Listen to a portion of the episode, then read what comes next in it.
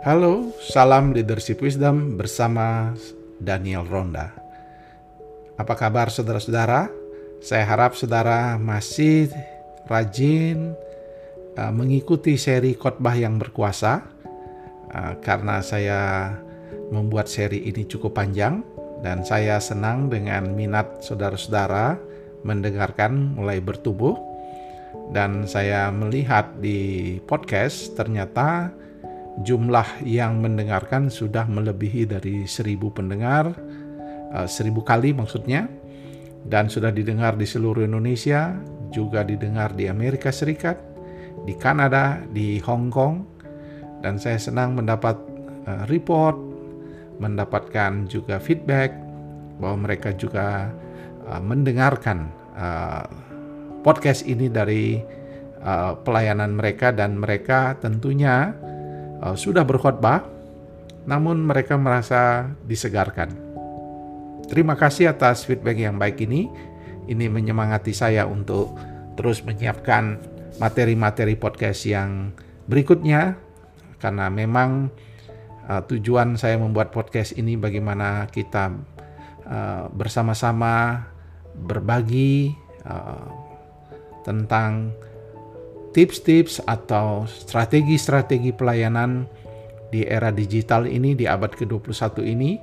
Dan saya um, menguraikan uh, hasil-hasil temuan, hasil-hasil teori, bedah buku, semuanya saya bagikan dan saya sederhanakan dengan harapan para gembala dapat uh, mencobanya, mempraktekannya dan memberikan feedback apakah ini berhasil atau bagaimana.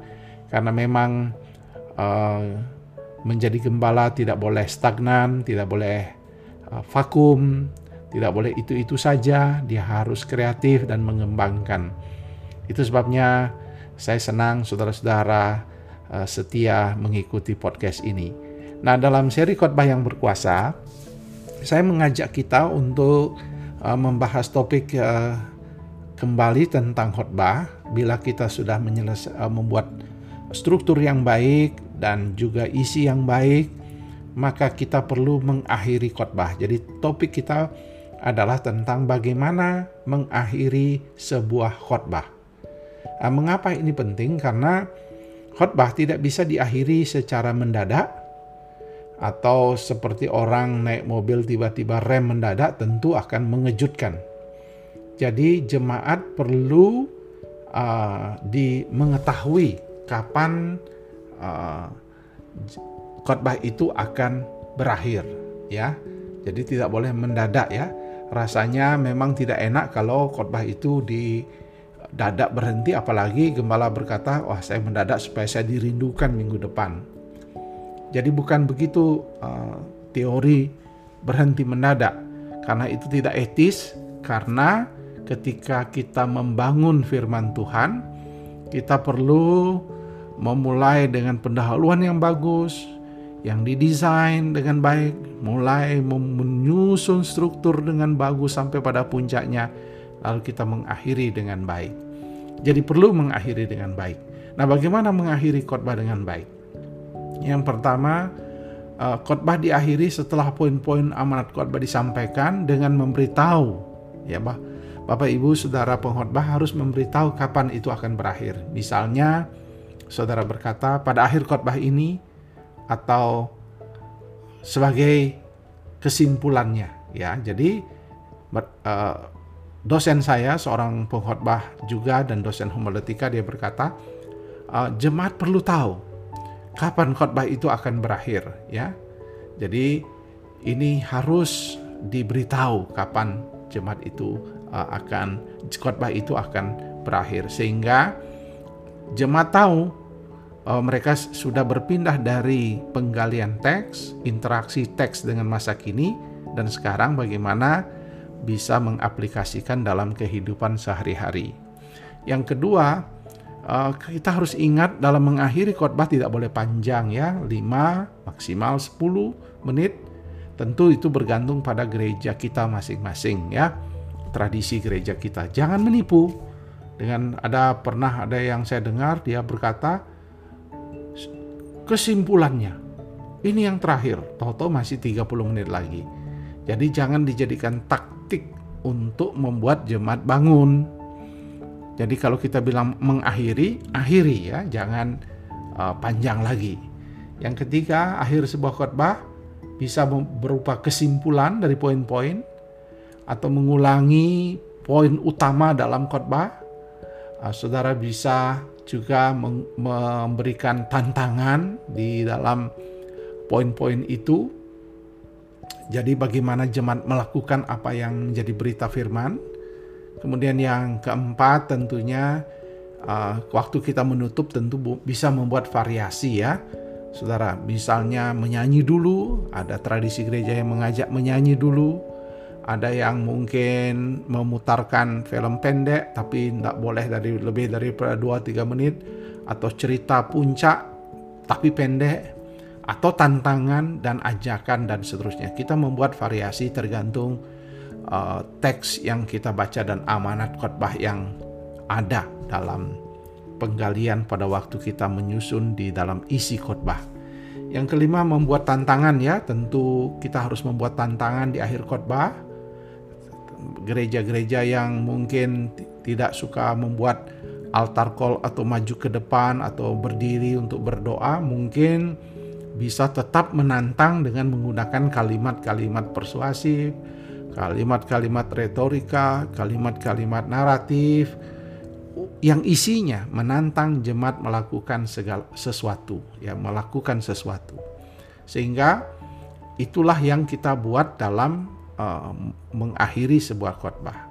Nah, di dalam mengakhiri sebuah khotbah kita perlu dipaku dengan kesimpulan ya. Jadi ketika saudara membuat mengakhiri khotbah itu kita mendesain suatu uh, kesimpulan dan itu harus dipaku di hati jemaat ya sehingga pesan-pesan Tuhan itu melekat. Nah, ini panggilan. Jadi mengapa akhir khotbah itu penting? Banyak orang mendesain menghabiskan waktu lama bereksegesis tetapi ketika di akhiri khotbah dia hanya membuat eh, garis-garis besar lalu dia tutup. Amin lalu dia berdoa mengharapkan uh, Tuhan akan bekerja di hati. Walaupun kita percaya dan pasti percaya bahwa Roh Kudus bekerja di hati, namun kita minta Roh Kudus menolong kita untuk mempersiapkan sebuah kalimat-kalimat kesimpulan, tantangan-tantangan apa yang Tuhan ingin uh, jemaat kerjakan ya di dalam kehidupannya.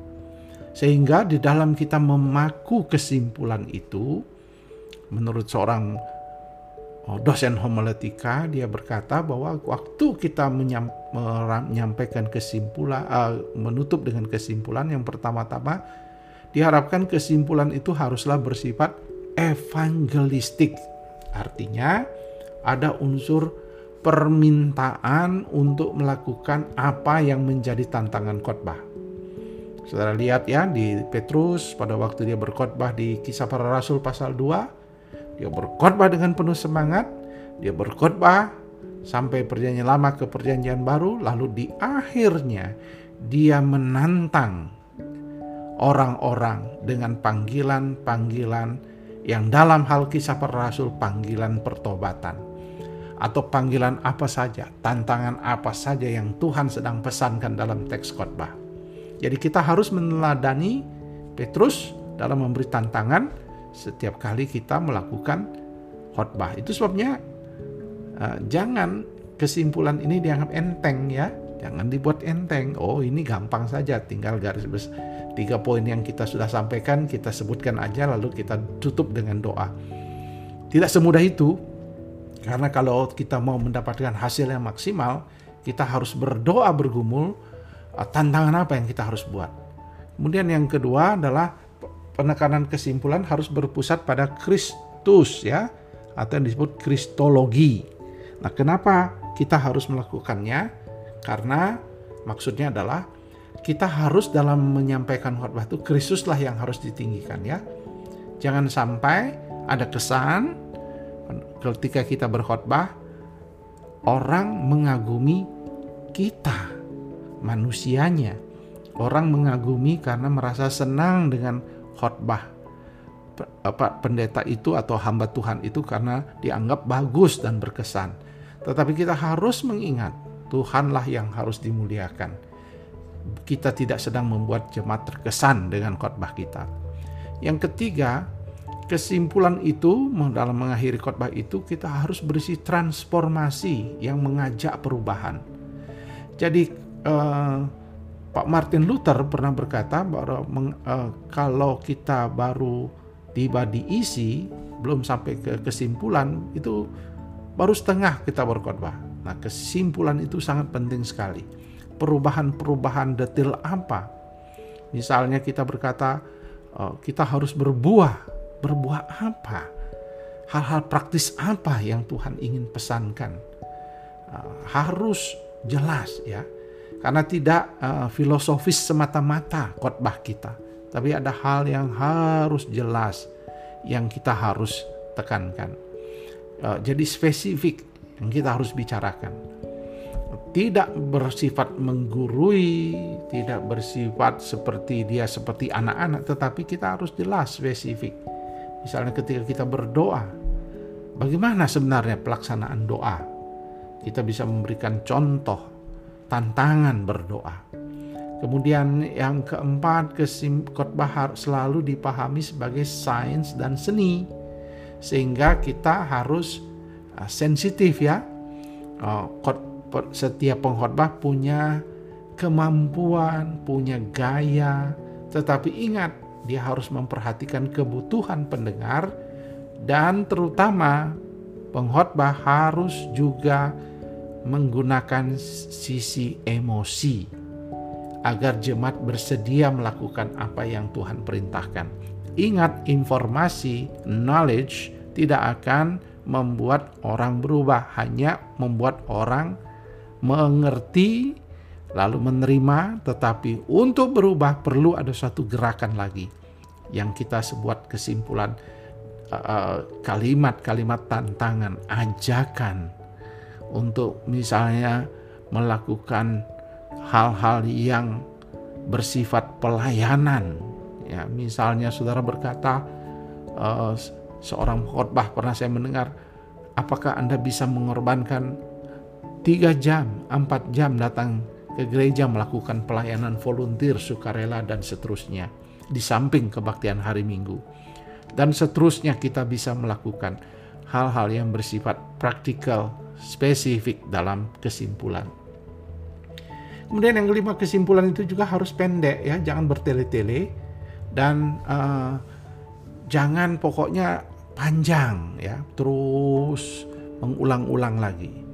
Kemudian tentunya uh, walaupun di akhirnya walaupun kata-kata kita sudah melambat, tapi pastikanlah bahwa ketika kita menyampaikan kesimpulan jemaat masih memperhatikan apa yang disampaikan pengkhotbah ya sehingga terwujudlah maksud dan dari dari khotbah itu sehingga jemaat kesimpulan dan isi daripada kesimpulan itu kita bawa kepada Tuhan dan isi itu kita periksa dan isi itu eh, daripada kesimpulan itu yang berisi tantangan itu dan ajakan itu yang spesifik akan memaku pesan Tuhan di hati jemaat.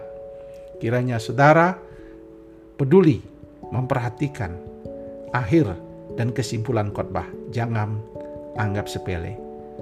Salam Tuhan memberkati.